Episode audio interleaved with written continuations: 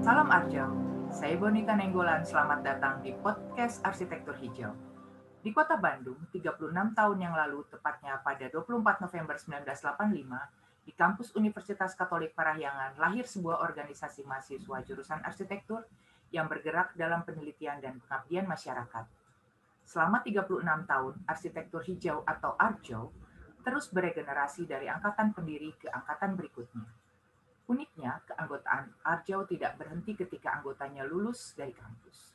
Hanya saja, anggota Arjau yang lulus kuliah atau di luar kampus tidak memiliki hak untuk memilih ketua. Ada sebuah kegiatan yang merupakan ciri khas organisasi ini, yaitu ekspedisi. Dalam sebuah ekspedisi, anggota Arjau bersama-sama mengadakan perjalanan untuk membuat dokumentasi arsitektur vernakular di daerah-daerah di Indonesia dari ekspedisi pertama ke desa nelayan Taman Jaya di ujung kulon tahun 1986 sampai desa Rampakapis di Kalimantan Selatan tahun 2019. Setiap angkatan memiliki cerita berbeda sesuai tantangan zaman, baik situasi akademis maupun kemahasiswaan. Dan khususnya di zaman now, terjadi situasi pandemi yang mengubah aktivitas dan pergerakan manusia di seluruh dunia jika di podcast yang lalu kita mendengar cerita bagaimana Arjo Angkatan 2000-an berjuang untuk tetap eksis dan melanjutkan regenerasi, pada podcast kali ini kita akan bertemu dengan beberapa anggota arsitektur hijau kampus. Seperti apa kegiatan Arjo di masa pandemi ini? Bagaimana mereka menyiasati situasi yang serba terbatas ini? Mari simak bincang-bincang berikut. Kami hadirkan tiga anggota Arjo periode saat ini yang masih bergelut di kampus. Halo Jason, Farhan, Taya. Halo. uh, ada udah bertiga semua, rame nih. Uh, kita bincang satu-satu ya dengan Jason dulu ya. Iya. Yeah. Jason, angkatan berapa sih di Unpar? Aku angkatan arsitektur 2019. Kalau di Arjo itu angkatan berapa? Namanya apa sih? Uh, aku angkatan Gana Pramusesa, biasa disingkat GP. Itu artinya penjelajah alam luas. Penjelajah alam luas. Seru ya, ya. kayaknya namanya nih. Sebagai apa sih di Arjo sekarang? Uh, kebetulan aku sebagai Ketua Arsitektur Hijau periode 2021. Jadi ang ketua paling terakhir nih ya, paling muda iya. ya. Iya apa sih yang bikin kamu tertarik masuk Arjo waktu itu? Uh, mungkin kayak banyak anggota Arjo yang lain juga. Hmm. Pas open house itu aku lihat kalau misalkan wadah minat Arjo itu beda banget dari wadah minat yang lain. Kayak kalau misalkan dengar penjelasan itu kayaknya jalan-jalan, ada banyak kayak kegiatan yang di alam di luar kampus yang menurut saya itu menarik banget buat kayak experience di luar kampus gitu yang jalan-jalan dan kayaknya seru banget gitu.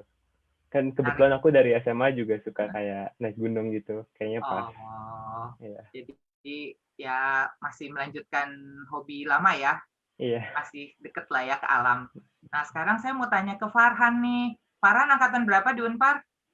Ya aku angkatan 2017 2017 berarti seniornya Jason ya uh, ya. angkatan berapa sih di Arjau dan apa sih nama angkatannya Uh, angkatan ke-34.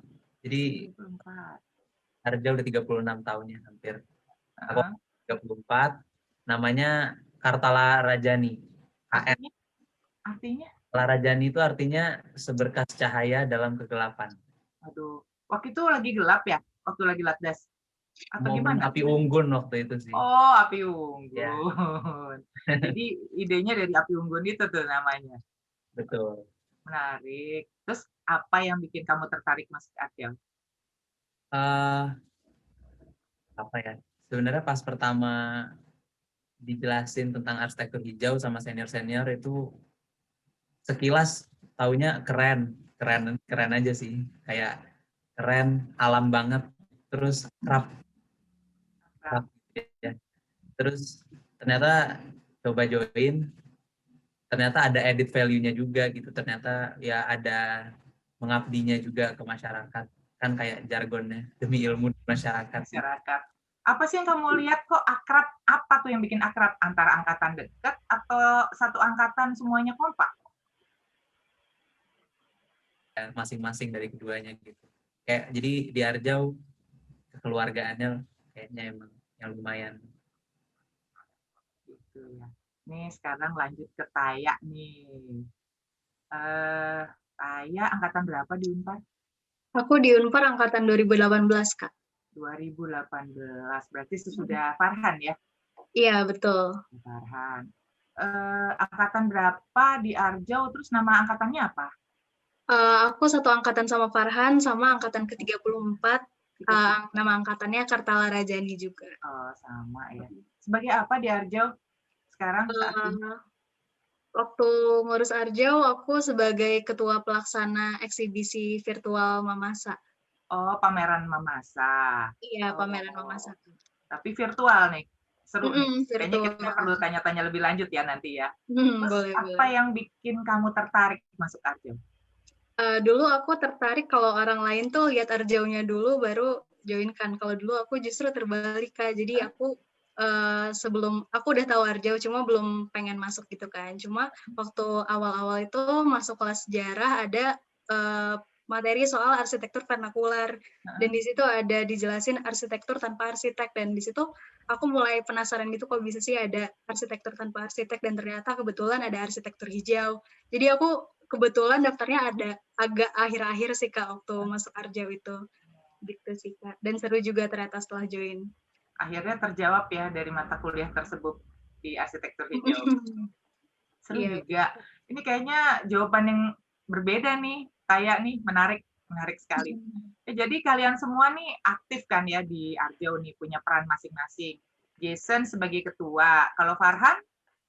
Sebagai ketua periode tahun 2020 ya itu yang nanti saya tanya mau tanya lagi ya ada jeda dua tahun ya tadi ya eh Taya juga nanti saya akan tanya-tanya lebih lanjut eh tapi Jason saya bukannya mengecilkan kamu loh kamu kan paling muda nanti pertanyaannya juga lebih banyak lagi sih Iya. Oke, nggak saya tanya Farhan dulu ya. Ini ada cerita saya dengar mengenai PROK. Apa sih hubungannya PROK itu dengan kegiatan Arjau? Oh, tentang PROK ya. Iya, iya. Jadi PROK itu eh, singkatan ya dari eh, peraturan rektor tentang organisasi kemahasiswaan. Kalau nggak salah ingat ya.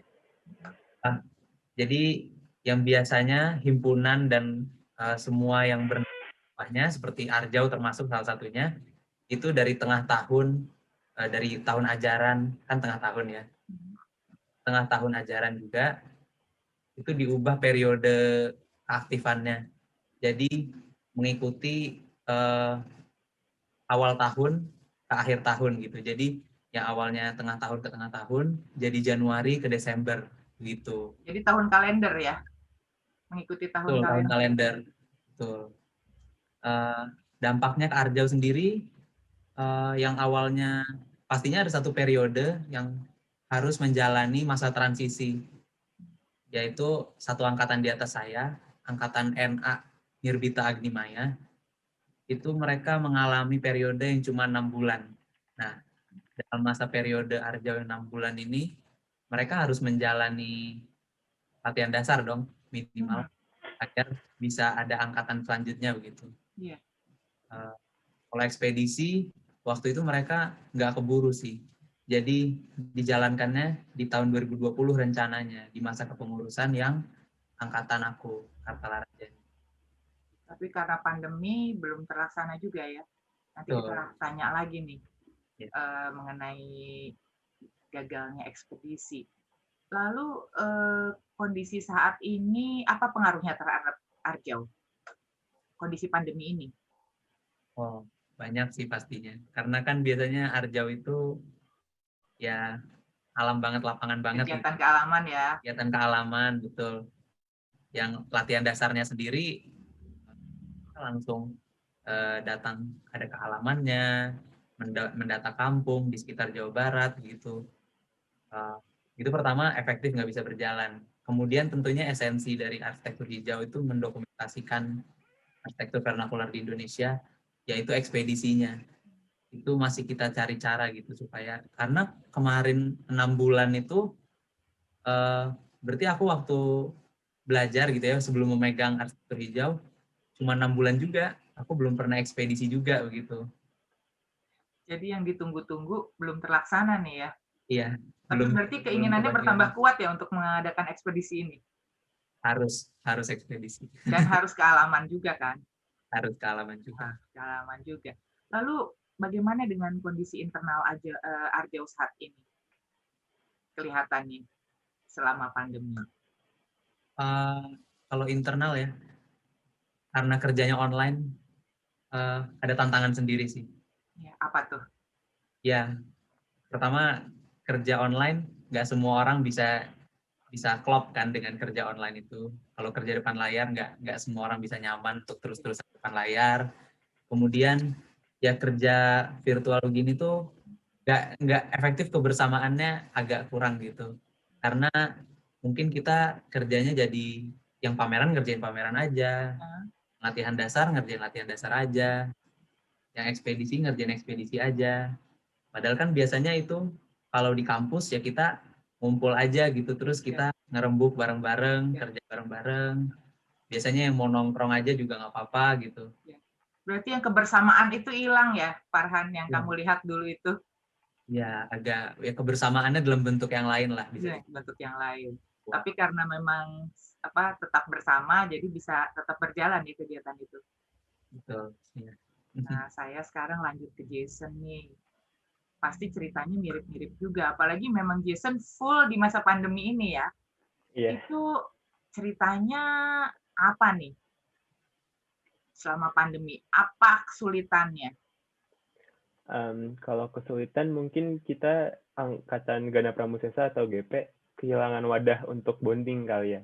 Hmm. Kan the, the, bonding untuk untuk antar angkatan dan juga di dalam angkatan itu sendiri. Kan seperti yang kita tahu kalau misalkan pas pandemi kegiatan offline itu udah nggak ada sama sekali. Hmm. Semuanya beralih ke online. Jadi kayak kegiatan perjalanan, ekspedisi itu kita benar-benar nggak tahu. Dan pameran pun walaupun bagus itu ada, tapi rasanya mungkin beda. Dan itu di handle-nya di dalam divisi masing-masing. Jadi ya kalau kebetulan kalau pameran itu dalam humas. Jadi ya antara humas itu doang yang handle pameran. Dan Wapdas PSDM banyak-banyak broker yang kayak gitu juga. Jadi ya untuk antar GP-nya sendiri orang-orang itu kerjanya per divisi per divisi. Dan menurut saya itu kan kayak bondingnya susah. Dan wadah kita untuk saling antar angkatan makin dekat itu juga nggak ada dan juga sama angkatan di atas kita yaitu Kak Kak Jani juga jadi susah jadi mungkin yang di divisi humas saja yang dekat sama KR yang di humas juga. Jadi ya kayak begitu masih terpisah-terpisah. Tapi secara tatap muka, eh, apakah Jason pernah bertemu dengan angkatan sebelumnya?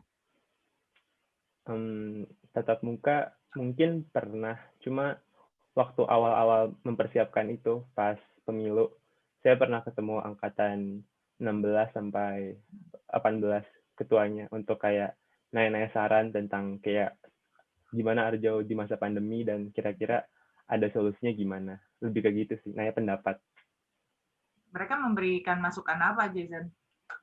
Wah, banyak sih kayak mungkin lebih ke kayak apa yang mungkin saya tanya dulu awalnya kayak pas ngejalanin pas mimpin Arjo tuh bagaimana kayak struktur organisasi gimana sama keanggotannya gimana dan mungkin secara garis besar yang mereka konten utama itu adalah pemetaan Hmm. Karena kan Arjau itu merupakan wamin dan wamin itu tugasnya kayak menyalurkan minat-minat anggotanya dan anggotanya itu harus senang. Jadi menurut saya yang pertama itu anggotanya harus senang dulu biar organisasinya berjalan dengan lancar gitu dan anggotanya happy. Iya kayak gitu. Dan walaupun sekarang kondisinya nggak ideal, yeah. tapi ya kita kan harus beradaptasi. Jadi yeah. ya kayak gini kayaknya udah cukup baik sih. Cukup baik ya. Iya. Uh, Jason merasa nggak sih kalau nggak ada Arjau malah kegiatan selama pandemi ini malah tidak ada kegiatan?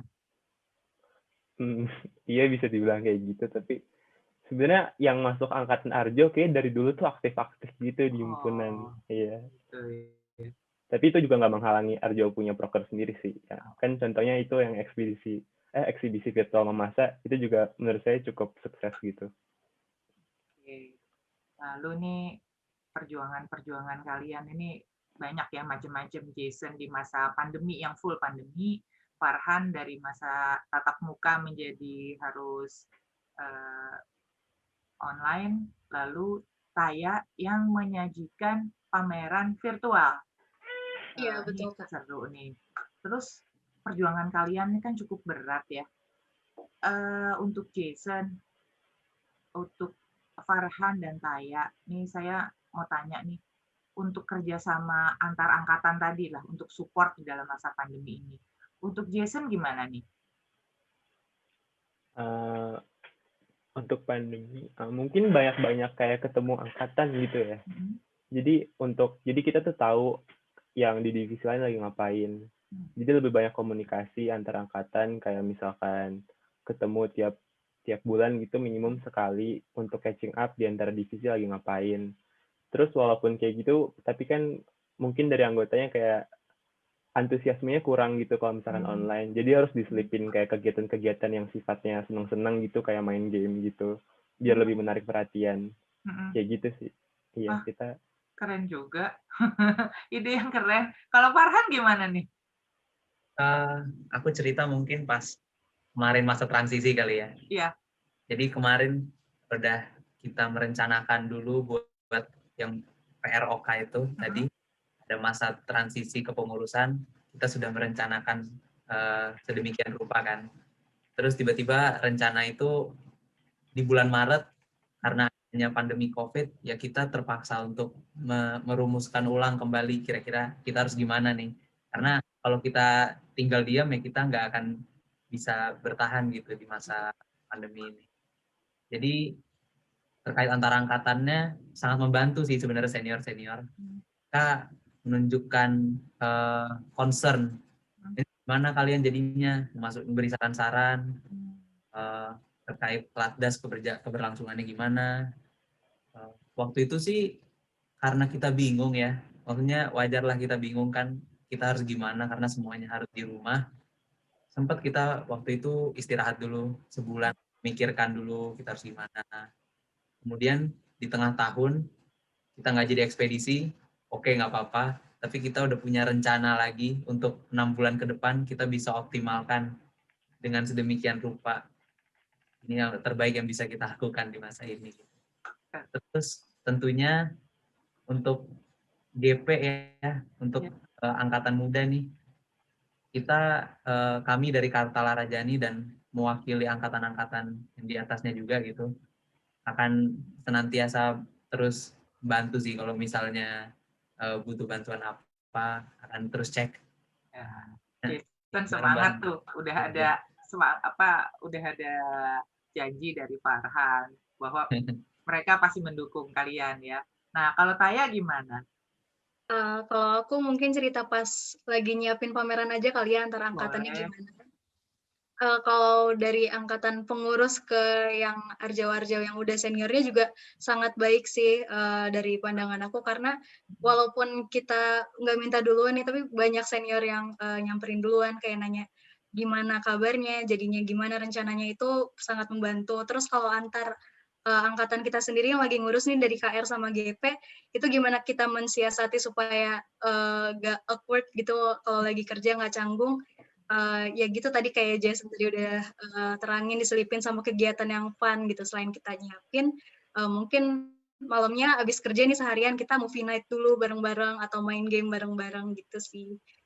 Supaya seimbang aja kerjanya gitu pak.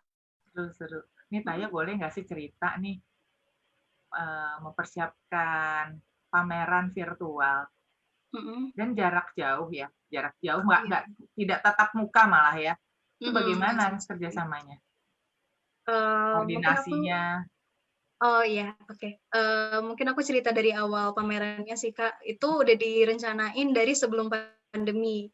Hmm. Kayak satu dua bulan itu kita udah uh, ngerencanain buat pameran offline ini gimana dan udah sempet dapat tempat juga bantuan dari senior juga dapat tempat uh, gratis waktu itu. Jadi kita udah mulai nyiapin, oh oke okay, tempatnya di situ, bentukannya kayak gimana, materinya gimana gitu.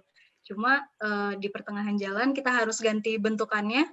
Uh, kita mulai ini sih Kak mulai putar otak gimana caranya supaya materi ini tetap tersampaikan ke masyarakat luas walaupun beda bentukannya gitu kan. Terus uh, ya udah kita mulai nyari alternatif bentuk yang lain, uh, alternatif uh, apa sih kayak media-media yang bisa dipakai tuh apa aja gitu mulai dari website atau mungkin dalam bentuk game kita sempat kepikiran dan akhirnya kita uh, menemukan uh, pakai website gitu kak menyampaikan si pameran ini gitu Terus uh, itu dalam mempersiapkannya jadi ini sih kak kendalanya kita harus motong banyak anggota lumayan karena kalau misalnya pameran offline kan bisa banyak yang terlibat gitu kak. Yeah. Kalau misalnya online jadi lebih sedikit SDM yang uh, terlibat gitu. Mungkin itu kendalanya. Cuma untuk uh, selama persiapannya uh, ya lumayan ini sih kak lumayan tantangan gimana caranya kerja jarak jauh dengan orang yang mungkin bahkan waktu di rumah mereka juga beda-beda kan kegiatannya. Terus uh, untungnya juga kita sempat nyari gimana caranya supaya publikasinya ini uh, bagus gitu pamerannya karena kita udah nyiapin lumayan lama. Kita uh, menggandeng banyak pihak eksternal sih kak uh, supaya lebih optimal gitu. Kita sempat kerjasama sama Omah Library, sama JAI Jaringan Arsip Arsitektur Indonesia, sama uh, kerjasama sama media-media arsitektur yang lain kayak gitu. Gitu deh kak buat persiapannya. Belum diceritain juga dapat dukungan nggak dari kampus? Oh uh, dari kampus pameran ini virtual ini uh, dari kampus kita ini sih kak dapat support dari beberapa dosen juga uh, terus apa namanya dari proposal dan lain-lain uh, bersyukur banget nggak terlalu sulit untuk mengurusnya gitu kak gitu sih jadi kampus juga mendukung ya Mm-mm, betul. Gitu. Bagus nih, kayaknya uh, bisa jadi acuan untuk kegiatan-kegiatan selama pandemi ini yang kita belum tahu kapan berakhir ya, untuk bisa dibuat. Uh, lalu untuk berikutnya nih saya mau tanya ke Farhan. Dalam kondisi seperti ini, bagaimana harusnya Arjau ini berjalan, Farhan, dalam kondisi pandemi? Oke, okay. dalam uh, masa pandemi ini ya mungkin kalau kemarin kan kita masih masa transisi tantangan ada dua nih pertama ya eh, perubahan eh, eh, lini masa kepengurusan gitu ya. Kedua bentuknya jadi dari yang awalnya ke halaman jadi terpaksa harus jarak jauh virtual gitu. Menurut aku pertama tentu inovasi inovasi itu wajib banget sih dalam masa pandemi seperti ini. Dan yang kedua kalau kondisi akan seperti ini terus esensi dari organisasi kita ini arsitektur hijau ya pendokumentasiannya harus tetap jalan gitu uh, seiring jalannya waktu kan protokol kesehatan semakin uh, semakin ketat dan semakin baik uh, vaksin sudah ada terus prevensi seperti tes tes uh, rapid dan semacamnya juga sudah ada. Harapannya ekspedisi ekspedisi harus tetap bisa jalan begitu. Meskipun nanti uh, kampungnya dipilih mana yang kira-kira zonanya nggak terlalu merah gitu mungkin ya. Kemudian uh, kuota orangnya diminimkan gitu. Secukupnya aja yang bisa jalan agar tidak buat kerumunan. Gitu sih mungkin. Nah, lanjut ke Jason. Kalau Jason gimana nih pendapatnya? Uh, kalau menurut saya ya mungkin yang bisa kita ditonjolkan di Arjo pada masa pandemi ini mungkin memaksimalkan digital platform yang Arjo punya. Jadi kan di masa online ini kita kayak dituntut untuk berinovasi dan menurut saya dengan ada digital platform yang sekarang, misalkan website, sosial media gitu-gitu, mungkin jangkauan Arjo akan jauh lebih luas daripada yang sebelumnya dan menurut saya itu merupakan hal yang baik. Jadi walaupun kita kehilangan kegiatan-kegiatan yang offline, tapi di platform online ini menurut saya banyak kemungkinan yang bisa kita explore gitu. Contohnya ada web memasa yang bisa menjangkau banyak orang gitu, bisa waktu itu kalau nggak salah ada empat benua gitu kan menurut saya itu kayak hal yang nggak mungkin banget kalau misalkan kita lakuin secara offline. Jadi untuk kayak misalkan sistem kayak pendataan juga menurut saya itu juga hal yang baru kan. Ada kayak pemetaan lewat drone yang menurut saya itu udah lebih advance daripada yang waktu ada saya jalanin.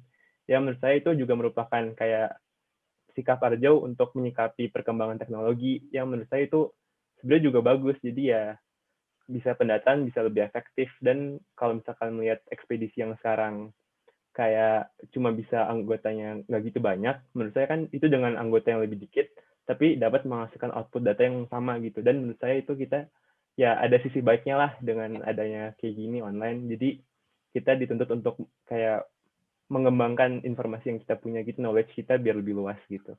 Biar lebih kayak paham terhadap teknologi yang udah ada dan bisa memanfaatkannya dengan lebih baik gitu setuju setuju uh, lalu lanjut nih ke Taya nih. Tadi kan kegiatan program Arjaunya. Kalau ke Taya saya mau tanya cita-cita Taya untuk kegiatan Arjau selanjutnya nih. Untuk kegiatan-kegiatan uh, selain di kepengurusan ya. Itu apa nih di masa pandemi ini? Mau ngapain lagi Uh, kayaknya dengan kondisi seperti ini benar kayak Jason sih kita bisa memaksimalkan apa yang udah ada dan mengembangkan yang baru gitu. Karena kalau misalnya balik lagi berkaca ke Mamasa itu hal yang sangat-sangat baru untuk kami. Dan ternyata dengan pengalaman pertama itu justru mendapatkan output yang sangat baik. Kayak tadi uh, bisa menjangkau banyak orang menjangkau banyak negara dengan website itu. Uh, bahkan dengan webinarnya yang biasanya kita adakan talk show offline tuh yang datang mungkin Eh, nggak sebanyak yang webinar kemarin itu sempat sampai 300 orang lebih kak yang datang. Nah itu menurut saya bisa dikembangkan akan lebih baik lagi untuk uh, angkatan yang selanjutnya. Dan pasti kayak tadi Farhan udah bilang kita pasti bantu untuk uh, pengembangan kegiatan-kegiatan Arjau selanjutnya gitu sih kak. Saya mau tanya buat kalian bertiga nih, terserah siapa yang mau jawab duluan. Untuk kalian bertiga, apa apakah ada rencana untuk membuat pedoman kegiatan Arjau di masa pandemi ini? Jadi eh, panduan khusus gitu. Jadi kalau ada pandemi seperti ini yang kita tidak bisa tatap muka, apakah kalian berencana untuk mengeluarkan satu SOP khusus uh, untuk latdas, untuk ekspedisi, untuk berkegiatan? Apakah ada rencana itu? Jawab dulu boleh? Boleh, boleh ya mungkin kalau secara informal itu sudah kami lakukan gitu ya. Uh, kemarin pas kepengurusan 2020 ya kita berusaha untuk manfaatin uh, website, kemudian uh, ya website sih, website arsitektur hijau yang kontennya mulai diisi. Jadi kalau kita semasa uh, uh, sementara ini nggak bisa untuk mencari data, at least kita optimalkan data yang udah kita punya dan kita sharing gitu ke masyarakat umum ya.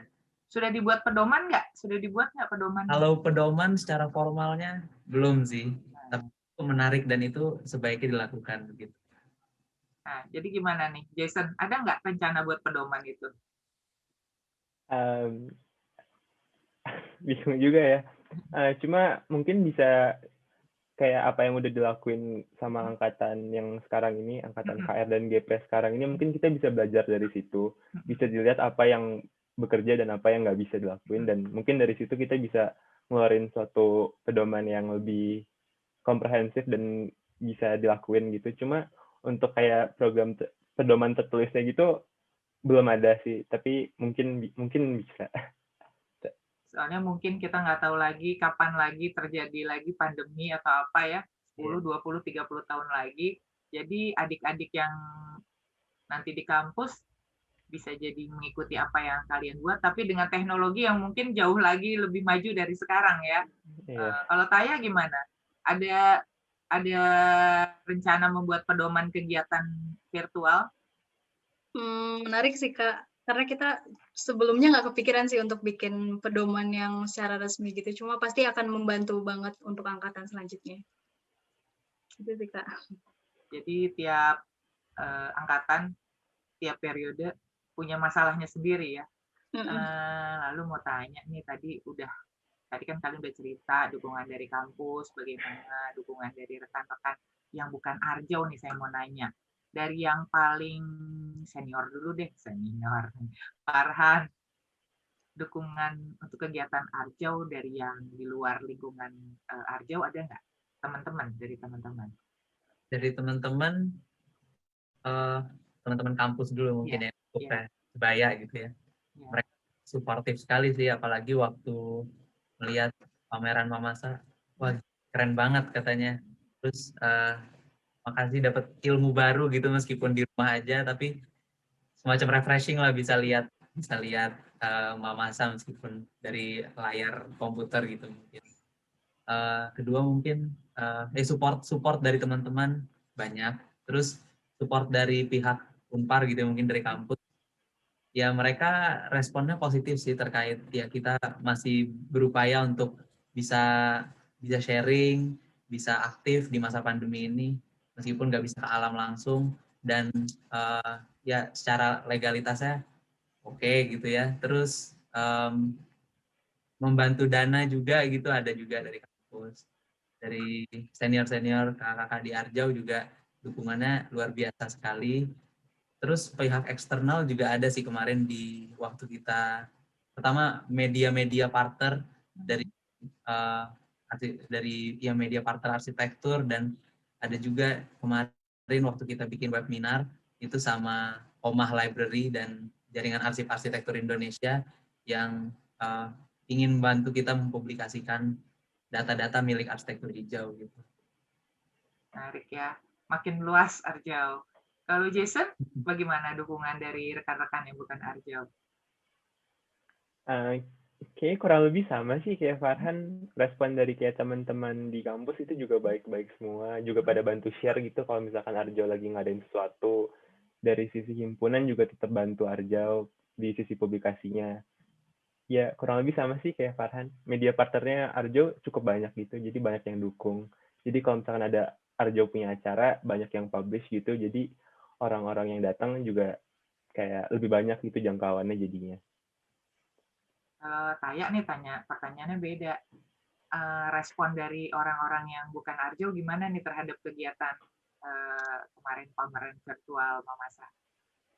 Wah itu di luar dugaan sih kak. Itu luar biasa baik tanggapan orang pihak eksternal Unpar. Karena kan di website kita tuh di akhir ada bisa naruh kesan pesan gitu kan kak.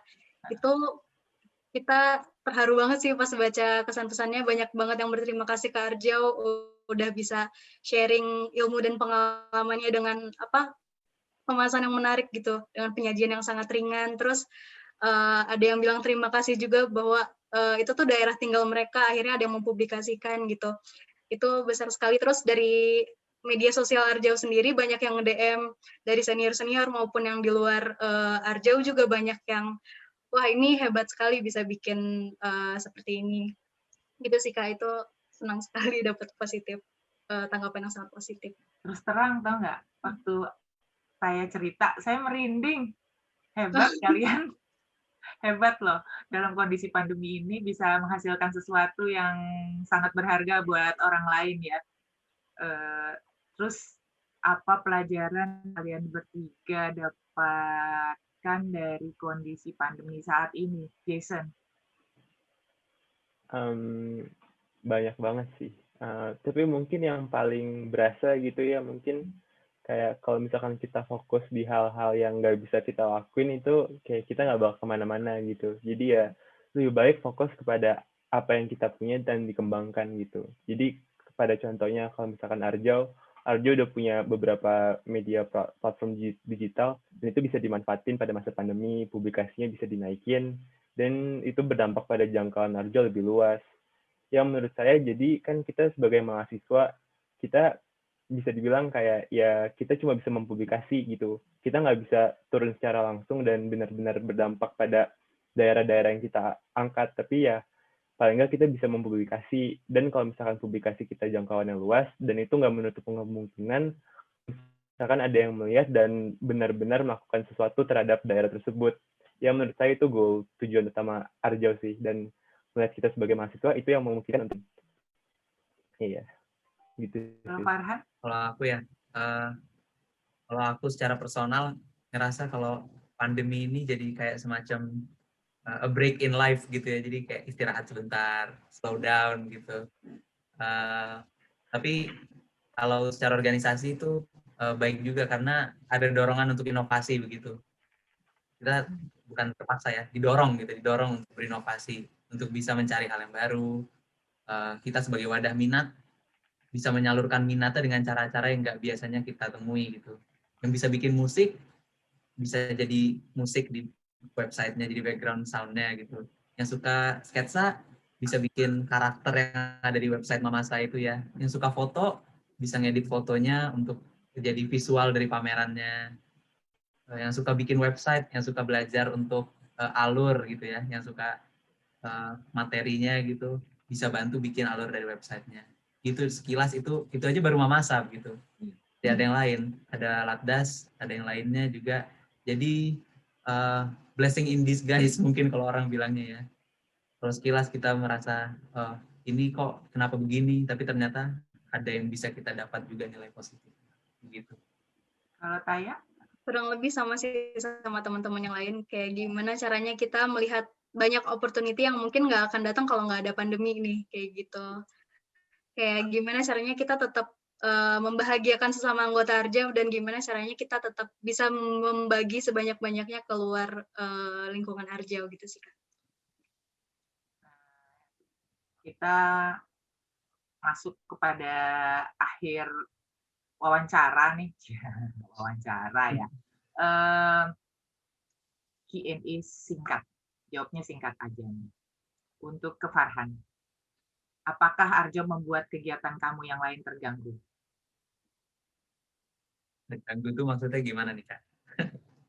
Ganggu nggak nih Arjo buat berkegiatan kamu yang lain? Kegiatan Sebenarnya ganggu itu relatif ya maksudnya selama kita enjoy jalaninnya ya ya terganggu sih enggak gitu karena kita seneng-seneng aja ngejalaninnya gitu. Jadi kalau aku karena aku enjoy enjoy aja jalaninnya ya seneng aja lah gitu. Kalau Taya, Kalau aku justru bisa bilang tidak mengganggu malah justru mensupport kegiatan aku yang lain. Jason, Eh, sama sih nggak nggak ganggu sama sekali. Malah ini kayak menjadi sarana saya belajar lebih jauh gitu untuk kayak membagi waktu biar lebih efisien gitu. Iya. Buat time management lebih lebih baik gitu. Sama kan Arsi juga juga lumayan sibuk gitu lalu pertanyaan berikutnya, apakah kamu akan terus mengajak adik-adik angkatan di bawah kamu untuk masuk Arjau? Taya, Tentu, karena Arjau harus terus ada dan terus berkembang ke arah yang lebih baik. Jason, sama sih. Pastinya bakal ngajak adik-adik yang di bawah saya buat join Arjau. Karena menurut pengalaman saya juga kayaknya nggak ada nggak ada ruginya sama sekali masuk Arjau. Malah banyak untungnya gitu. Jadi kenapa enggak Farhan, Wajib sih. wajib. Nah, eh, pengalamannya tuh sesuatu yang nggak bisa didapat dari kuliahan biasa. Mungkin udah sering orang bilang gitu ya. Tapi emang bener begitu. Dari berbagai macam aspek yang suka berteman bisa dapat banyak teman. Terus eh, yang suka jalan-jalan bisa jalan-jalan juga mungkin meskipun lagi masa pandemi. Ya wadah minatnya macam-macam banget bisa. Seru. Pertanyaan terakhir, apa manfaat yang kamu rasakan sebagai anggota Arjau? Apa eh, untuk masa sekarang ini ya, Jason? Wah, kalau misalkan manfaat banyak banyak banget sih. Cuma mungkin yang paling berasa bagi saya itu mungkin kayak gimana saya ngatur ngatur waktu karena tanggung jawabnya besar juga jadi ya nggak bisa main-main gitu saya belajar buat lebih disiplin disiplin sama waktu disiplin sama orang juga terus belajar gimana cara berorganisasi gimana cara kayak ngomong sama orang gitu saling pengertian yang gitu-gitu sih Iya, sama belajar ilmunya juga banyak banget tentang arsitektur vernakular, gimana Indonesia itu punya kekayaan yang banyak banget yang belum dieksplor sama orang Indonesia sendiri. Bahkan kayak banyak orang luar negeri yang lebih interested sama arsitektur Indonesia. Menurut saya itu kita harus mempublish lagi gimana kekayaan arsitektur Indonesia bisa dilihat masyarakat kalau itu unik dan sangat berbeda dari arsitektur yang lain. Itu sih. Kalimat pendek kamu tentang Arjau. Ah, ah, seru dan edukatif. Sekarang Farhan, apa manfaat yang kamu rasakan sebagai anggota Arjau? sebagai anggota Arjau eh, poin-poinnya mirip Jason ya jadi uh, berdinamik belajar ya organisasi sama orang gitu. Tapi kalau aku lebih senengnya ininya sih ilmunya. Emang aku tertarik banget sama kayak arsitektur arsitektur arsitektur yang ada di Indonesia gitu karena Indonesia tuh luas banget. Dan aku bisa bisa tahu ternyata oh ada arsitektur di Maluku sedemikian, ada arsitektur yang di Sulawesi sedemikian. Dan sebenarnya uh, yang plus lagi dari Arjau itu bisa experience langsung. Itu yang menarik sih. Apa kalimat pendek kamu tentang Arjau? Arjau itu seru. seru.